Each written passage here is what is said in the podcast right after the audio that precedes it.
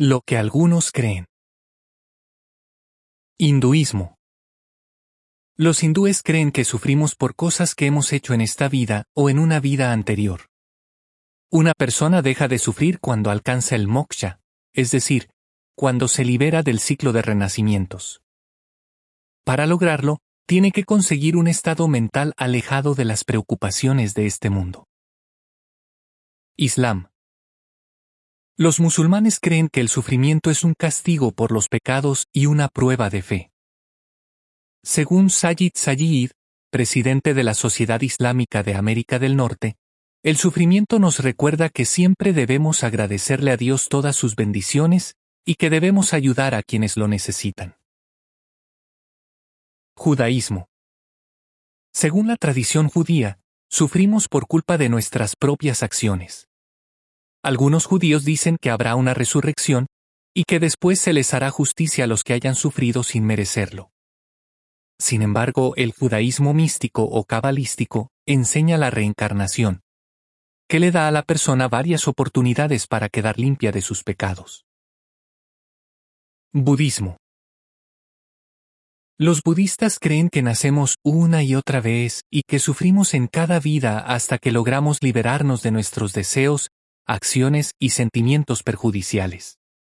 Gracias a la sabiduría, a las buenas obras y al control de los pensamientos, una persona puede alcanzar el nirvana, es decir, un estado en el que desaparece el sufrimiento.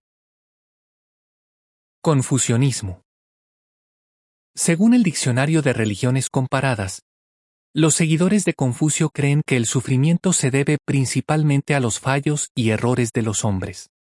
Reconocen que el sufrimiento podría reducirse llevando una vida recta.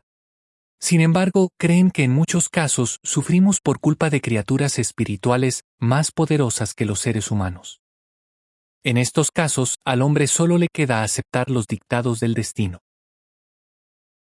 Religiones tribales. Ciertas religiones tribales dicen que el sufrimiento es culpa de la brujería.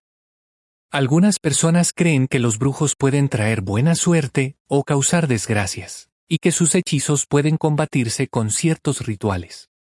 Por eso, cuando estas personas se enferman, van a un curandero para que, con sus medicinas y rituales, rompa los hechizos de los brujos. Cristianismo. Los cristianos relacionan el sufrimiento con el pecado de la primera pareja humana, como relata el libro bíblico de Génesis. Sin embargo, muchas confesiones han añadido sus propias ideas. Por ejemplo, algunos católicos creen que pueden ofrecerle a Dios su sufrimiento para que bendiga a su iglesia o para que salve a otra persona. Para saber más, vaya a jw.org y vea el video ¿Aprueba Dios todas las religiones? Fin del artículo.